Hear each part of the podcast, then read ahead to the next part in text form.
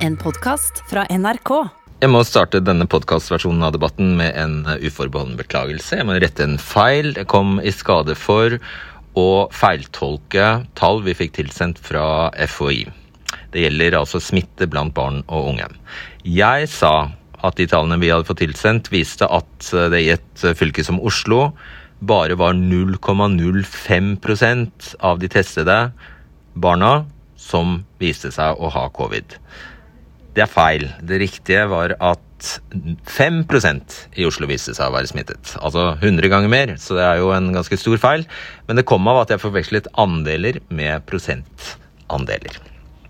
Så ja, det var, det var jo dumt. Men ellers så syns jeg jo fortsatt at temaet vi tok opp her er veldig viktig. Barn og unges psykiske helse.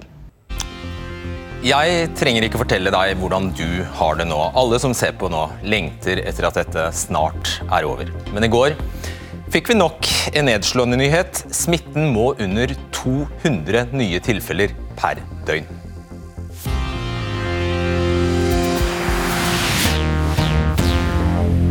Velkommen til debatten. Aldri før er så mange nordmenn testet for covid-19. Det settes nye testrekorder hver uke, og nå testes over 200 000 hver uke. I Oslo har de satt i gang massetesting på skolene. Og hva har skjedd til nå når man tester mer? Jo, man finner mer. Man finner flere smittede. Og hva har skjedd til nå da? Jo, tiltakene forlenges. Er det en evighetsmaskin myndighetene har satt i gang når de nå skal ha smitten under 200 tilfeller? La oss ta et gjensyn med assisterende helsedirektør Espen Nakstad fra Dagsrevyen i går. Vi må nok godt ned i smittenivå, sånn at vi har kontroll på smitteveiene. Og ikke noe pågående utbrudd ute av kontroll. Og Da snakker vi godt under 200 daglige smittetilfeller i landet som, som sett under ett. Men det beste hadde vært om vi kom mye lavere enn det også. For da ville en gjenåpning hatt minimal risiko for å skyte tilbake med høyere smittetall. Bjørn Gullvåg, helsedirektør. Hvorfor akkurat 200? Hvorfor ikke 100? Hvorfor ikke 300? Nei, vi, vi, har nok ikke satt en grense. og Dette var ment som en illustrasjon fra Nakstad sin side på at vi må vesentlig lavere ned enn det vi er nå. Og så vil vi nok, Når flere er vaksinert og vi skal begynne gjenåpningen, så vil vi se mer på andre utfall også, sånn som antallet sykehusinnleggelser og den kapasiteten vi har i helse- og omsorgstjenesten. Så akkurat nivået, nøyaktig nivået, det kommer vi til å diskutere i tiden fremover. Og, og legge større vekt på disse andre parameterne. Hvis det var ment som en illustrasjon, hvorfor bruker han da tallet 200? Det Er det noe dere burde ha lært til nå, så er det at folk tar alt dere sier, helt pinlig bokstavelig. Ja, Vi har sikkert noe å lære i, i, det, men det er samtidig sånn at uh, erfaringene fra tidligere i pandemien har vist at uh, hvis du har uh, under 200 smittede, så får vi under 50 innlagte i sykehus stort sett i de to-tre ukene etter. Det er mulig å håndtere, og det er mulig å håndtere det smittenivået på relativt stabilt nivå, uten at man får plutselig økning i smitte. Men igjen så vil jeg, vil jeg understreke at dette er ikke et tall som Helsedirektoratet har som et uh, offisielt uh, tall. Bare glapp det ut av vann? Nei, det er et godt resonnement bak det. Men samtidig så tror jeg vi kan gjerne ta til oss at vi skal være litt forsiktige med å tallfeste dette. fordi... så vi skal se bort fra det tallet 200? Ja, det, nøyaktig det tallet skal vi ikke feste oss så sterkt ved. Men det at vi må betraktelig ned i smittetall fra i dag for at det skal være Det har vi jo skjønt, men det var nivået. Vi plutselig begynte Alle sitter og følger med på tallene fra time til time, Gullvåg. Nå vet vi at det er ca. 600 som gjelder de siste døgnene, døgnene, og dere sa plutselig 200, og alle så for seg åh, er det mulig? Så skal vi se bort fra det 200-tallet? Jeg tror det, vil du komme med et annet tall? Det, nei, jeg vil ikke komme med et tall. For jeg tror det er, det er en illustrasjon på hvilken retning vi må i. Og så vil vi naturligvis måtte ta en del pragmatiske hensyn underveis. Og, og da finne gode løsninger. Men det som er poenget til Nakstad når han har sagt dette, er at det er ikke så enkelt at vi kan åpne hvis vi har veldig høy smitte i befolkningen, selv om flere er vaksinerte. For da får vi for mange sykehusinnleggelser og for mange som kommer på intensivavdeling, og vi vil få en sprengt helsetjeneste. og Det ønsker ingen av oss. Og Det har vi jo skjønt. Jeg skal bare minne, Du sier 50 eh, var ca. det tallet man historisk da havnet på, på, inn, på, innleggelser hvis man har et smittetall på 200. I oktober, som, Man må tilbake til oktober for å finne et smittetall på 200. Da var, eh, da var det 26 innlagte på sykehus i Norge. Tre på intensiven og én på respirator. Og Vi skal snakke mye mer om hvilke reelle øvrige konsekvenser det er av disse veldig, veldig inngripende tiltakene i form av sosial lidelse. Når tallene da fra oktober er så lave, én person på respirator, gir ikke det grunn til egentlig å bare fortelle oss at eh, det, vi har kapasitet til mer enn det? Vi har absolutt kapasitet til mer enn det. Og så er det veldig vanskelig å opprettholde et stabilt nivå hvis det er veldig mange smittebærere ute i samfunnet. Så eh, Hvis det er mange smittebærere, og det er det jo hvis man eh, har mange som det er påvist smitte hos, eh, og Da er det også en god del eh, smittebærere som man ikke har oppdaget eh, smitten hos, og som da står i fare for å kunne utløse nye utbrudd.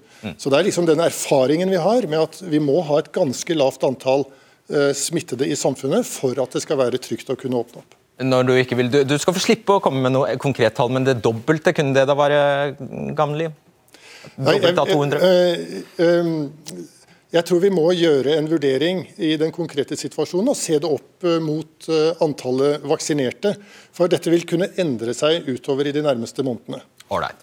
Du er jo representanten for, eh, for vaksineregimet her. Camilla Stoltenberg, vil du gi oss fordi eh, Nå går det forlydender om at eh, det kommer dobbelt så mange doser eh, allerede neste eh, uke. Har du, no, har du, noen andre gode nyheter til oss på den fronten?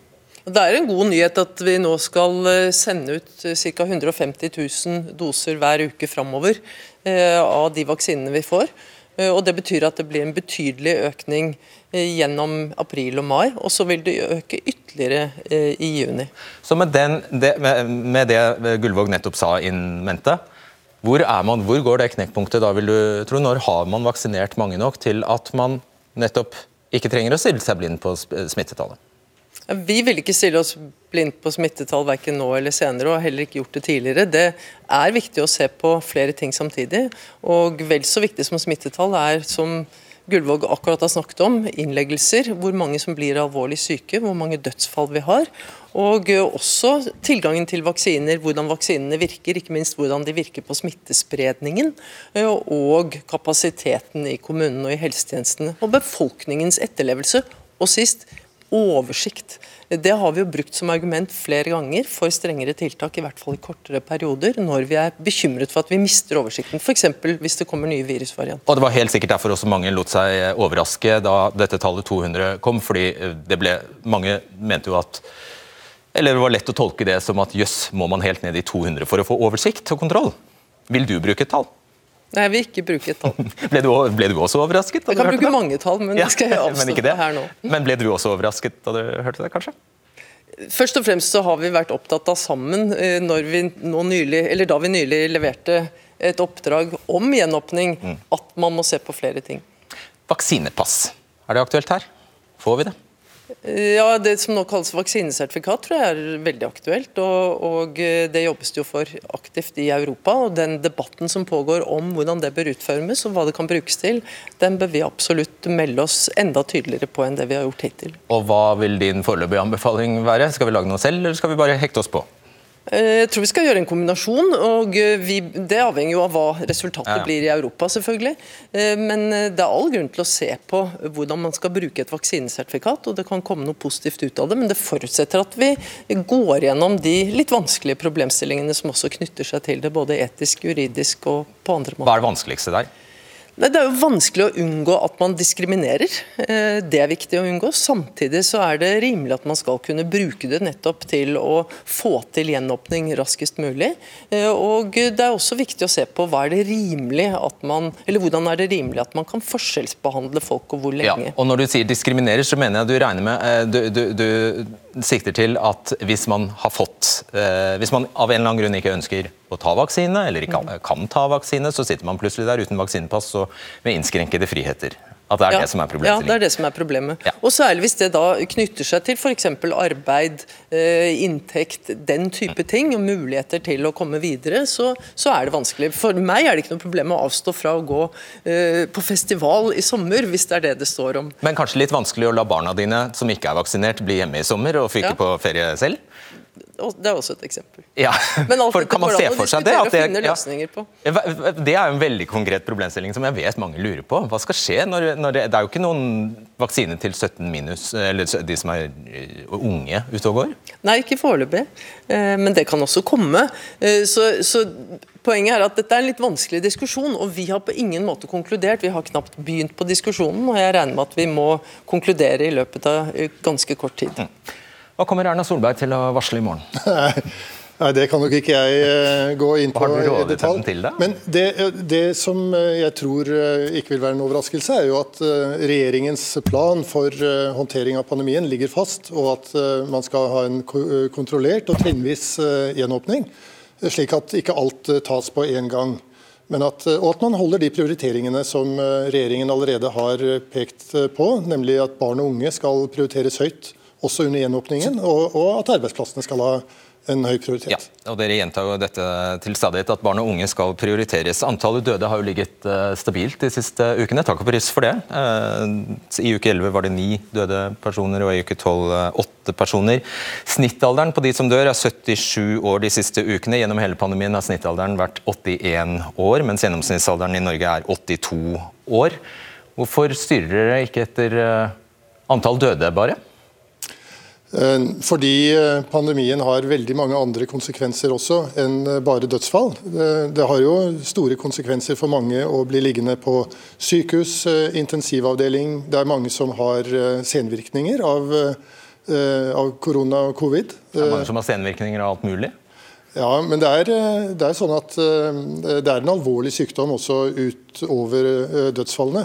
Så vi skal ikke vi skal Men, ikke men jeg bare liksom prøver å ja, det, blir jo nærmest bare som en, et postulat dette her om at man skal prioritere barn og unge når aldersstatistikken ser sånn ut som den gjør. Da prioriterer man jo ikke barn og unge. Jo, på, man har prioritert barn og unge ved at de har et mindre, et mindre tiltakstrykk enn det som eh, den voksne befolkningen har. De kan i større grad delta i aktiviteter i eh, barnehager, skoler, eh, enn voksne kan gå på arbeidsplassen sin f.eks. Og Det er jo også satt eh, arrangementsbegrensninger for eh, voksne over hele landet, som man ikke har for barn og unge. Så det er en forskjell i, i tiltaksbyrden. nå vet vi mye mer om situasjonen for barn og unge. Det skal vi, aldri, det skal vi snakke, snakke om senere i sendingen. eh, Gullvåg. Statistikerne i SSB eh, vi har konferert med dem i dag, de sier at vi har ikke hatt overdødelighet i befolkningen så lenge pandemien har vart i Norge. I, uh, den, for, den forventede levealderen har fortsatt å vokse, i motsetning til i Sverige. Der går den ned. Eh, og eh, det dør om lag 40 000 personer i et vanlig år i Norge. Nå dør færre av andre årsaker, f.eks. andre smittsomme sykdommer. Og det døde nøyaktig like mange mennesker i mars 2020 som i mars 2019. Det betyr at de eneste som egentlig tar støyten, virkelig tar støyten, hvis man skal se på grupper her, det er jo barn og unge som virkelig får sine friheter innskrenket. Jeg vil jo si at det rammer mange i samfunnet, men det rammer barn og unge sterk, veldig sterkt. Og eh, Det handler jo om at eh, barn og unge har eh, et veldig stort behov for eh, andre å være sammen med, leke sammen med. Det er veldig unaturlig å begrense eh, deres eh, atferd og, og frihet. Sånn at eh, Det er ingen tvil om at eh, dette, også tiltakene rammer barn og unge veldig sterkt. Men det er jo derfor også vi har ment at det er veldig riktig å ha en høy prioritet på barn og unge for å redusere tiltaksbyrden så langt det lar seg gjøre. Vi skal fortsette å snakke litt om barn og unge. I begynnelsen av mars satte dere, og med flere, skal sies det, en støkk i oss alle. Da ble det rapportert om en 60% økning i smitten blant unge under 20 år. Erna Solberg sa til Stortinget 9. mars at det er de yngre aldersgruppene som dominerer. Økningen er, økningen er høyest i aldersgruppen 13 til 19 år. Og Det er ikke unaturlig at smitten øker blant de yngre aldersgruppene mest, sa hun. Og så kom nye strenge tiltak.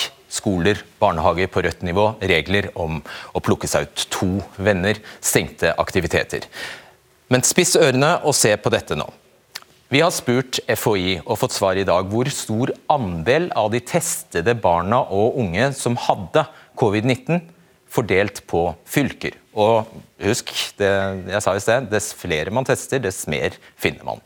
Men i uke 5 til 10, som er akkurat disse dagene da Erna Solberg sa at smitten økte veldig blant barn og unge, da viser tallene fra FHI at det slettes ikke var mye smitte blant dem. Vi har gjort et utvalg eh, fylker her. I Troms og Finnmark var det 0,01% av de testede under 17 år som hadde covid. I uh, Trøndelag var det 0% og alle utslag under 0,5% er, er vil si ingen, er, er, er rundet ned til null her. I Møre og Romsdal samme, 0 Uh, I Vestland testet 0,03% av de under 9 år positivt, og 0,01% av de mellom 10 og 17 år. I Viken, et hardt rammet fylke, 0,05 blant de yngste barna, 0,04 blant de eldste barna. Og i Oslo, det verst rammede fylket, hadde 0,05% av 0 til 17-åringene covid. Og dette var altså de som ble testet. Og alle fylkene jeg ikke har nevnt nå, de ligger et, et eller annet sted mellom Oslo og Trøndelag i påviste tilfeller. Hvordan forklarer du da Camilla Stoltenberg, at eh, dere snakket om den voldsomme smitten blant barn og unge? Det var en økning eh, blant barn og unge, men fra Folkehelseinstituttets side var vi jo først og fremst opptatt av å se på hvor var den, hvilke skoler eh, og hvilke bydeler og hvilke byer eller kommuner i Norge hadde en slik økning som kunne gi økt smitte også ute i resten av samfunnet. Men vi har understreket at den smitten vi ser i skoler og barnehager, er en refleksjon av den smitten vi ser for øvrig primært. At det ikke har vært en eh, viktig motor i smittespredningen. Og at man kan håndtere dette ved å holde skolene åpne på rødt nivå. Ikke viktig motor, Camilla Stoltenberg. Dette er jo nesten ingenting. Det er helt riktig at det er et veldig lavt nivå, men, men, det er helt i tråd med det vi har sagt hele tiden. Er det virkelig det? Så hvis ja, vi går tilbake i arkivene, så vil vi, så vil vi få med oss at så vil ja. det stå der at dere har sagt at smittenivået er så lavt? Vi har ikke brukt lavt. de tallene så aktivt som vi kanskje burde, men vi har sagt at dette bl.a. skyldes at man tester mye, og at vi har fått ja. en mye bedre oversikt over smitte i skoler og barnehager gjennom den økte testingen. Og Hvordan syns du da det statsministeren sa 9.3 står seg mot dette? Ja, nå har jeg dine ord for det, jeg husker ikke det presist. Men vi har som sagt Nei, jobbet veldig aktivt for, for, for, det som også ble resultatet. At uh, man vedtar lokalt uh, om man skal sette skolene på gult eller rødt nivå. At det ikke er underlagt de nasjonale tiltakene. Det uh, har vært et Eh, viktig mål for Folkehelseinstituttet, og det har fått tilslutning. og Det er det som gjelder. Erna Solberg eh, sa det er de yngre aldersgruppene som dominerer når det gjelder smitte. Økningen er høyest i aldersgruppen 13 til 19 år. Det er helt riktig at den var høyest i den gruppen. Det ja, var en veldig økning. og det eh, var tilslørende da, når, når jo, men de reelle påviste tilfellene disse, er sånn? Disse tallene reflekterer jo ikke antallet smittede, de reflekterer jo først og fremst at man har De som har blitt syke? Nei, det, det reflekterer Eh, hvor mange man har testet, ja. den andelen. Og, og, og, antallet, det ser du jo ikke her. Så det var et høyt antall. Ja, men det er jo det jeg sier. Dess mer man tester, dess flere finner man. Det er helt riktig. Og så kommer det tiltak, fordi dere finner flere. Ja, altså Vi har som sagt vært veldig opptatt av at vi skal begrense den smitteøkningen vi har sett i deler av samfunnet. Først og fremst enkelte bydeler og enkelte fylker. Eh, enkelte bydeler i Oslo og enkelte kommuner utenfor Oslo i Viken. Men denne beskjeden gikk jo, det var jo en nasjonal pressekonferanse. De sto på et nasjonalt podium da de sa dette og, og, og advarte. Du var vel der selv, kanskje? 9. Eh, mars, eh, orientering i, i Stortinget var det i hvert fall da. Det var ingen som skjønte at det var null, smitte, null smittede i Trøndelag. Er du med på det? Eh, nå, jeg, nå, vet ikke jeg Du sa noe om at du hadde avrundet nedover hvis tallet var lavt, eh, til eh, null. Ja, altså så, alt så, under 0,5 ja, er, er ja, rundet ned. Det jeg er enig med, med, Camilla Stoltenberg i, det er at uh, de tallene som du har her, som er andeler uh, av de som er testet som tester positivt, så må man ha med hvor mange det er. for det er jo det er jo de som faktisk er smittet, som danner et utgangspunkt. Ja, men Det er jo det dere ikke har villet fortelle til nå. Hvordan forholdet mellom antallet som er antallet som er testet og andelen som er påvist smittet er. Det er jo det veldig mange har etterlyst. Jeg kjenner meg ikke igjen i at ikke vi har villet opp i det, så jeg tror at de tallene har vært tilgjengelige hele tiden. Har vi visst dette før? Nei, jeg har ikke sett akkurat dette. og jeg, er faktisk litt forundret over de tallene. Så jeg har tenkt at uh, det er nødvendig å gå og kvalitetssikre de tallene. Nei, Det at de er såpass lave mm, i, i, Oslo. Jeg er helt enig i det. Jeg, jeg, jeg er usikker på uh, tallene. Det må, det må jeg si. Så jeg vil, gjerne, jeg, vil gjerne, jeg vil gjerne, gå videre og, og, sjekke ut det i etterkant. Ja, for Jeg kan sende deg det jeg har fått fra FHI i dag. Det er, og det, uh, formelt så er det altså en oversikt over andel positive covid-19-prøver for aldersgruppene 0 til 9 og 10 til 17 registrert i MSIS og MSIS-laboratoriedatabasen. Ikke spør meg hva det er, men det vet helt sikkert du. Er du, er du overrasket over tallene?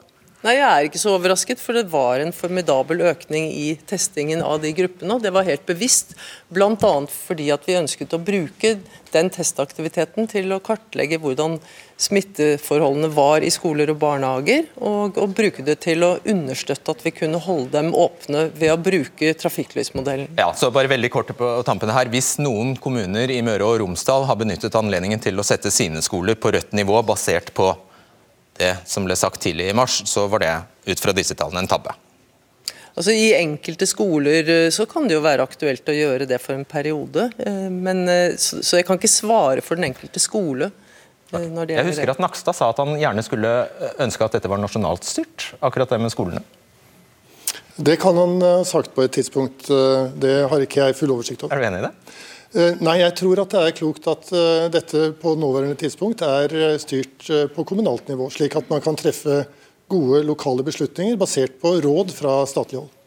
Og du er hans sjef. Det er sånn hierarkiet ja, det er, det er sånn. Og så er det jo, vi er jo veldig eksponerte i denne, i, i denne tiden. ikke sant? Sånn at vi får ikke alltid samsnakket oss 100 eh, men, eh, og, og, og, vi er opptatt av å snakke åpent og ærlig ut ifra det perspektivet som vi har. Vi skjønner det er krevende. Det er greit. Tusen takk skal du ha, Camilla Stoltenberg. Du blir stående, Gullvåg. Vi har jo lenge bare snakket om at barn og unge har det tungt under pandemien, men nå vet vi som jeg sa i sted, mer om nøyaktig hvor alvorlig situasjonen er. Takket være en rapport fra Statens undersøkelseskommisjon for helse- og omsorgstjenesten.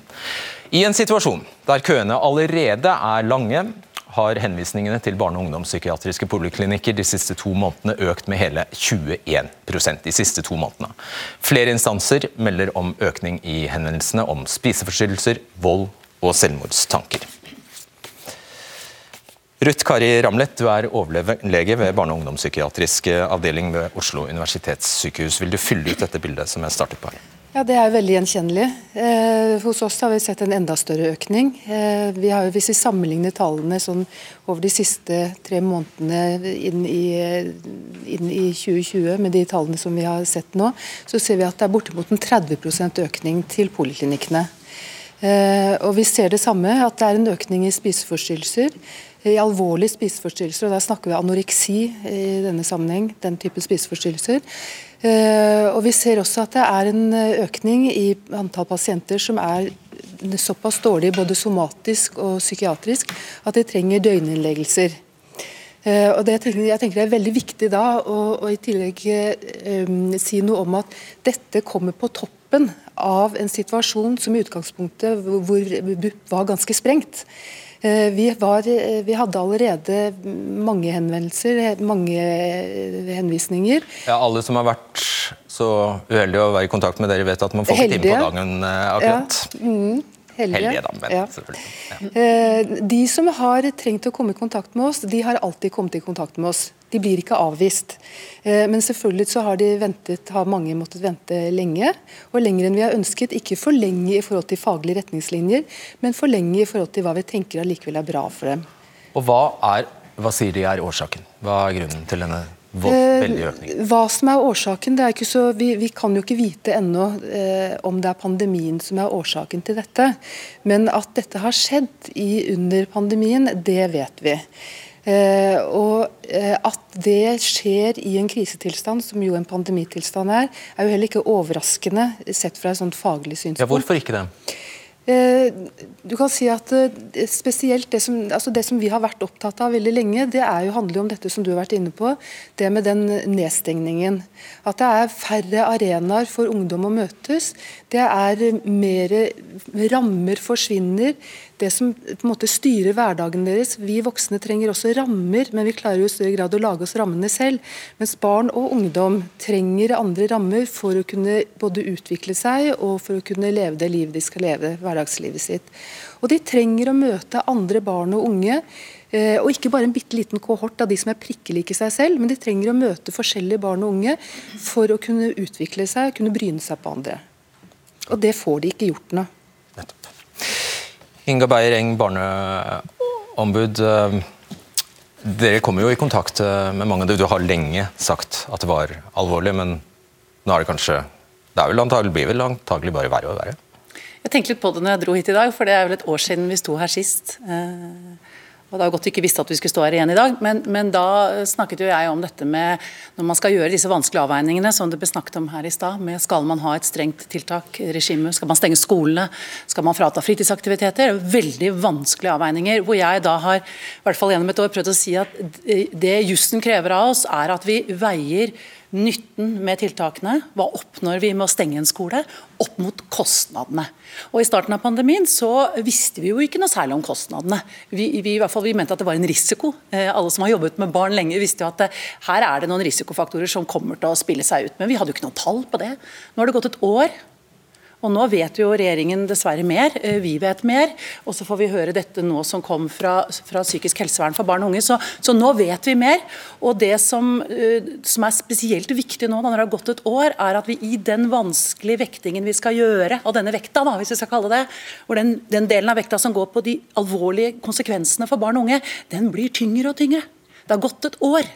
Så Det krever mer av de avveiningene som Bent Høie skal gjøre og, og Gullvåg skal gjøre. De er mer krevende, og den vekta blir tyngre og tyngre. og tyngre. Så ganske mm. konkret, fordi vi, eh, vi, forholder oss jo eh, eh, Vi blir jo slaver av datoer her. Nå mm. har de satt 15, er det 15. april som er neste, som er, som er neste mål. Mm. Er, det, er det forholdsmessig at de f.eks. For forlenger de veldig strenge tiltakene vi lever under nå, fram til 15. april? Eh, jeg har ikke noe mulighet til å gå inn i den konkrete avveiningen. fordi at Det fordrer jo eh, den kunnskapen som, som dere har. Det er at dere har et godt kunnskapsgrunnlag i begge vektskårene. Eh, jeg har mye kunnskap om de negative konsekvensene nå, som vi fikk høre her. Men når det gjelder kunnskapsgrunnlaget på hva er effektene av å stenge en skole? Hva er effektene av å frata barn fritidsaktivitetene? Det kunnskapsgrunnlaget der, det sitter ikke jeg på. Det sitter de to mennene her på. Sånn at den reelle, konkrete avveiningen, den må de gjøre. Men jeg bare egentlig lurte på, Hvor ofte bør den gjøres? Bør den gjøres daglig, eller bør, er det greit som de sier nå, at land varer i ukevis? Ikke ukevis. Ikke ukevis. Men det er det som skjer. Nei, altså den forholdsmessige, den vektingen, ja. for den kan jo spilles inn at det kan bli tyngre og tyngre der, og det kan bli lettere og lettere der. Den må gjøres ofte, og det jeg ser jo noen kommuner, og også fra nasjonalt nivå, skjer hver 14. dag. Du kan ikke låse deg på rødt nivå i skolen, f.eks. Nettopp. Bent Høie, velkommen eh, hit. Uh, det, kan, vi ikke få, um, kan, vi, kan vi ikke få se disse konkrete vurderingene dere har gjort av denne vektingen? Jo, og De legger vi fram hver gang vi gjør disse beslutningene. Både Eh, de faglige vurderingene og regjeringens vurderinger når vi gjør dette i forskrifter. Så gjør vi, gjør vi den avveiningen, og det, alt er tilgjengelig. Og så er det jo, For å ta det som er ditt poeng, nemlig de nasjonale tiltakene som gjelder nå, som vi skal vurdere 14.4. Når de ble innført, så var det jo ikke tiltak der som rammer barn og unge. Nettopp fordi eh, vi er opptatt av å skjerme barn og unge. Eh, sånn at På tross av at vi da var i en situasjon der det var Eh, og Du har jo nå tatt en del tall, men jeg kan da ta tall som sier noe om hva var smittesituasjonen for barn og unge i uke 13. Det var jo da over 600 i den eh, aldersgruppen 0 9 år som var smitta, og over 800 i den aldersgruppen 10 eh, til 19 år som var smitta den uken. Så det var ganske høye smittetall i de aldersgruppene. Men allikevel så skjermer man da nettopp barna for innstramminger i den forrige nasjonale innstrammingen. og Det er det som også er regjeringen sin strategi. Vi skjermer barn og unge mest mulig i forbindelse med innstramminger, og så letter vi raskest mulig for de gruppene. Men det betyr ikke at barn og unge ikke er hardt ramma under denne pandemien. Og det er vanskelig å unngå det når vi er i et samfunn som må stenge For barn og unge blir også rammet når mor og far blir permittert.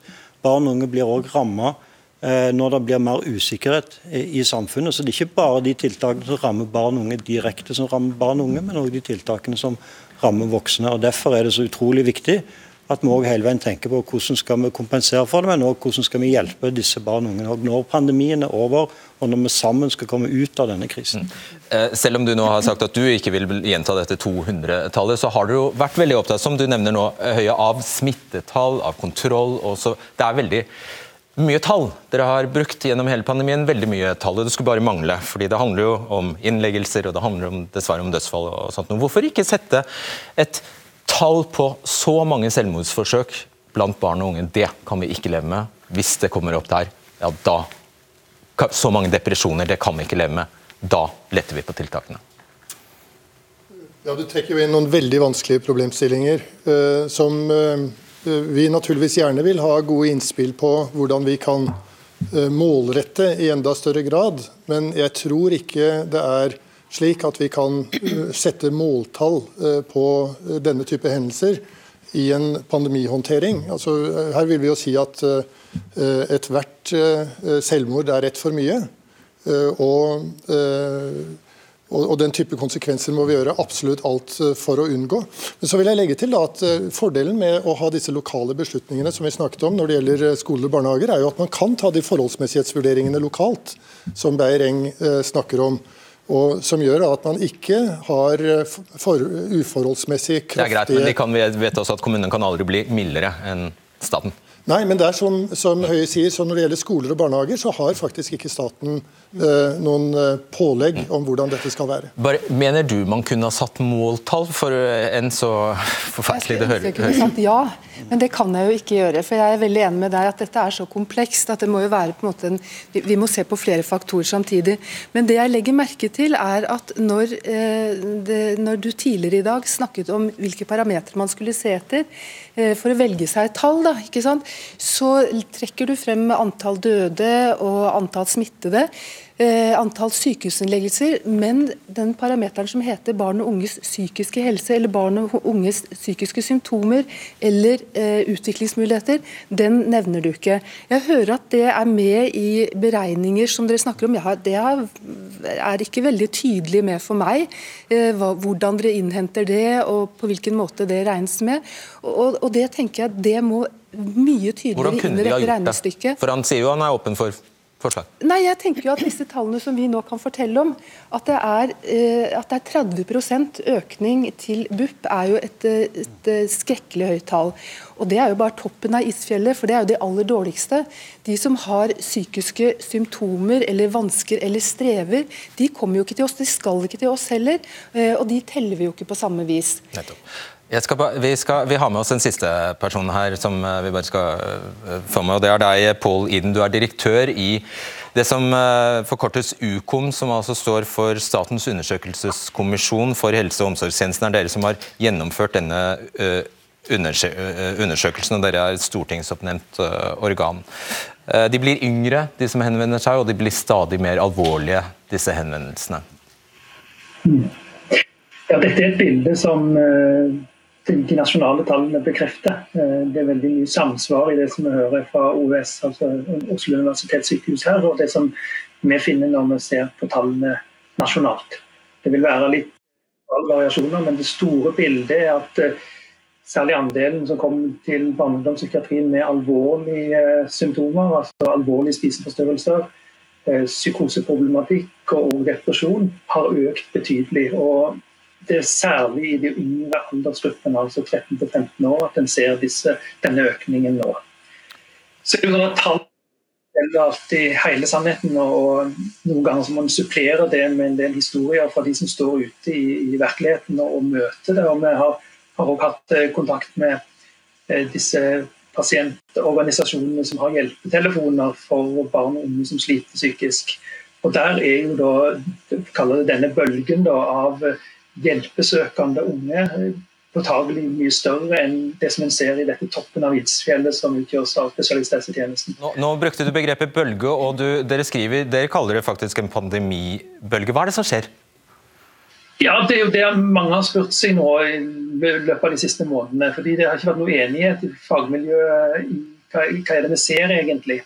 Men etter hvert som en gjør opp tall underveis, så ser en at her er det en stor grad av økt søkning inn til både spesialisthelsetjenester, til lavterskeltilbud i kommuner, og ikke minst til de frivillige organisasjonene, som er kanskje den laveste lavterskelen som, som er der for å eh, ta imot og dele bekymringene som barn og unge sitter med rundt psykiske eh, ubehag, psykiske symptomer og sy alvorlig psykisk lidelse. Og hvis du opplever jo òg at alvorligheten i de henvendelsene de får, har økt på gjennom de siste månedene. Ja, nettopp. Bare avslutningsvis, hva, hva vil du trekke fram som det aller mest alvorlige, og som vi dermed kanskje alle bør være oppmerksomme på? Det er jo et eh, det er jo ikke ønska at en skal ha flere og flere pasienter til spesialisthelsetjenesten. På sett og vis så er en, en pasient som kommer til eh, en barne- og ungdomspsykiatrisk avdeling for innleggelse med en alvorlig spiseforstyrrelse, er eh, kommet så langt at ting burde vært snudd tidligere. Det vi nå ser er jo at disse lavterskeltilbudene såkalt, og begynner å få ventetid. altså De kan ikke svare ut disse henvendelsene fra barn og unge fordi det er så mange som strømmer på. Eh, og Da mister på en måte hele ideen eh, med lavterskeltilbudet sitt innhold. Det blir en terskel for å komme inn i lavterskeltilbudene, og da er det bekymringsfullt. Ja. Så ser vi også som ikke bare skjer i Norge, vi ser det også fra andre land, sånn som Danmark, at her er dette satt på dagsordenen nå som et, som et fenomen knytta til pandemien. Takk skal du ha. Jeg skal bare legge til Iden at du har også fortalt eh, Aftenposten mye av det samme du gjorde til oss her. Takk skal du ha. Bent Høie, tallene eh, er jo ganske klare. Dette virker ikke som en særlig høy prioritet fra dere. 170 millioner kroner bruker dere på en opptrappingsplan for barn og unges psykiske helse, mens det er brukt i hvert fall ja, i 2021 bare 10 milliarder kroner på korona, øvrige koronatiltak. Ja, men det var et uh, tiltak i budsjettet som var en del av den ordinære opp, uh, opptrappingsplanen som var lagt fra, før pandemien. Vi har også lagt inn uh, penger til dette, både kommunene og spesialisthelsetjenesten i de tiltakspakkene som vi har hatt utenom. Så, så mye at lavterskel ikke faktisk blir en terskel? Nei, altså Problemet er ikke nødvendigvis bare penger her, for det har gitt betydelige beløp både spesialisthelsetjenesten og kommunene. men det er ikke sånn at Penger gir f.eks. flere fagfolk, det gir ikke bedre rekruttering til BUP over natten. Det gir ikke flere psykologer i kommunene over natten. og Det er jo det som også er litt av dilemmaet fordi Hvis det var sånn at vi hadde sagt at eh, nå vil vi la Eh, ha mindre smitteverntiltak i samfunnet for å skjerme barn og unge, så ville jo konsekvensen vært at barn og unge hadde blitt rammet i neste omgang. For Da hadde ikke læreren gått på skolen når de var smitta. BUP hadde måttet stengt når de ansatte var smitta. Lavterskeltilbudene hadde vært stengt når de ansatte var smitta. Vi ser at de landene som har Eh, prøvd å slippe smitten mer fri. De har jo måttet stramme betydelig mer inn, ikke minst overfor barn og unge, enn det vi har måttet gjort i Norge. Og, og, det er jo vel ingenting av denne logikken du ikke forstår? Hva er det du da egentlig etterlyser? nei, altså, nei, men altså min altså, det vi hører nå fra, fra BUP for eksempel, og dette fra, fra kommunehelsetjenesten, altså lavterskeltilbud, det er ikke overraskende for meg. fordi at Rett før koronaen brøt ut, så hadde vi hatt en gjennomgang av det psykiske helsetilbudet til barn og unge. Eh, og Vi fant jo en tjeneste som ikke var rustet eller hadde rammer nok til å møte barn på en riktig måte for å gi dem riktig hjelp. Ja, Så det er det egentlig ikke noen unnskyldning for? at man har... Eh... Altså, det lå, der, det lå der når koronaen kom. Ja. Og så, ikke sant, Man hadde lang ventetid, vi hadde mangel på fleksibilitet i tjenesten. Eh, det var avvisninger av henvisninger. Det var på en måte en grunnmur som ikke var god nok. Og så kom pandemien på toppen. Så, så egentlig min bønn nå, når vi ser hva som møter oss av utfordringer for barn og unge, at vi i hvert fall nå får en gjennomgang. Og jeg tror det som er veldig viktig å få få sett på, det er sammenhengen mellom kommunehelsetjenesten. Hva skal være på plass i kommunene, og hva skal du forvente av spesialisthelsetjenesten? Fordi at Hvis ikke kommunene leverer, så øker trykket mot BUP. Så Du må se de to nivåene i sammenheng, og det har vi ikke gjort før. I hvert fall ikke godt nok. Nei. Egentlig også dette ditt ansvar? Jo, absolutt. Ja. Eh, så dette vil vi eh, uten tvil jobbe sammen om. Mm. Og så vil jeg jo si at eh, Det å jobbe for barn og unges både fysiske og psykiske helse er veldig viktig, et veldig viktig arbeid i etterkant av dette. Men jeg tror det er viktig at vi ikke blander kortene her. fordi er, når vi nå i sted snakket om gjenåpningen, så tror jeg ikke det er slik at vi har en parameter som heter barn og unges psykiske helse, som ville gjort at vi bør prioritere annerledes i gjenåpningen. Altså at eh, vi burde gjenåpne raskere, at vi burde legge eh, mindre vekt på smitteverntiltak i, i barnehager og skole f.eks. For eh, fordi det ville være til gunst for barna. Det tror jeg ikke er riktig. Så Det er jo derfor det ikke var nevnt i den forbindelse. Men jeg er enig med deg i at vi må kommunisere at dette er en stor belastning for barn og unge som vi må ha en, en veldig eh, stor oppmerksomhet på i tiden som kommer. Hvor lenge kan dette komme til å forbli et problem, de som nå søker hjelp og kanskje ikke får det? Dette kommer til å bli et problem i veldig veldig lang tid fremover, i mange år. Eh, så vi trenger strakstiltak. Vi trenger tilførsel av ressurser nå, og vi trenger det på sikt. Vi trenger det for den generelle befolkning, og vi trenger det eh, for, spesial, altså for psykiatrien. Jeg tror vi skal bare avrunde med å si at um, er ikke det beste rådet å snakke med noen? Uansett. Um, gjør det hvis du kan. Og så kan du når som helst, etter at vi har gått på lufta, gå inn på NRK TV og se hele debatten fra starten, hvis du gikk glipp av starten. Torsdag er vi tilbake til vanlig tid klokka 21.20. Ha en fin kveld.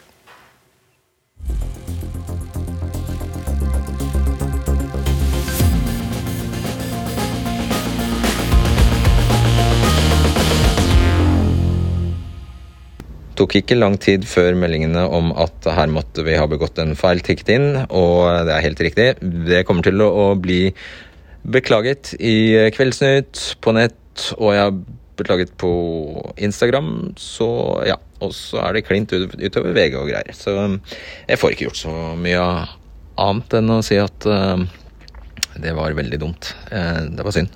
Uh, det var sløvt. Ok. Uh, Bedre lykke neste gang, Fredrik. uff, uff. Ha det bra. Du har hørt en podkast fra NRK. Hør flere podkaster og din NRK-kanal i appen NRK Radio.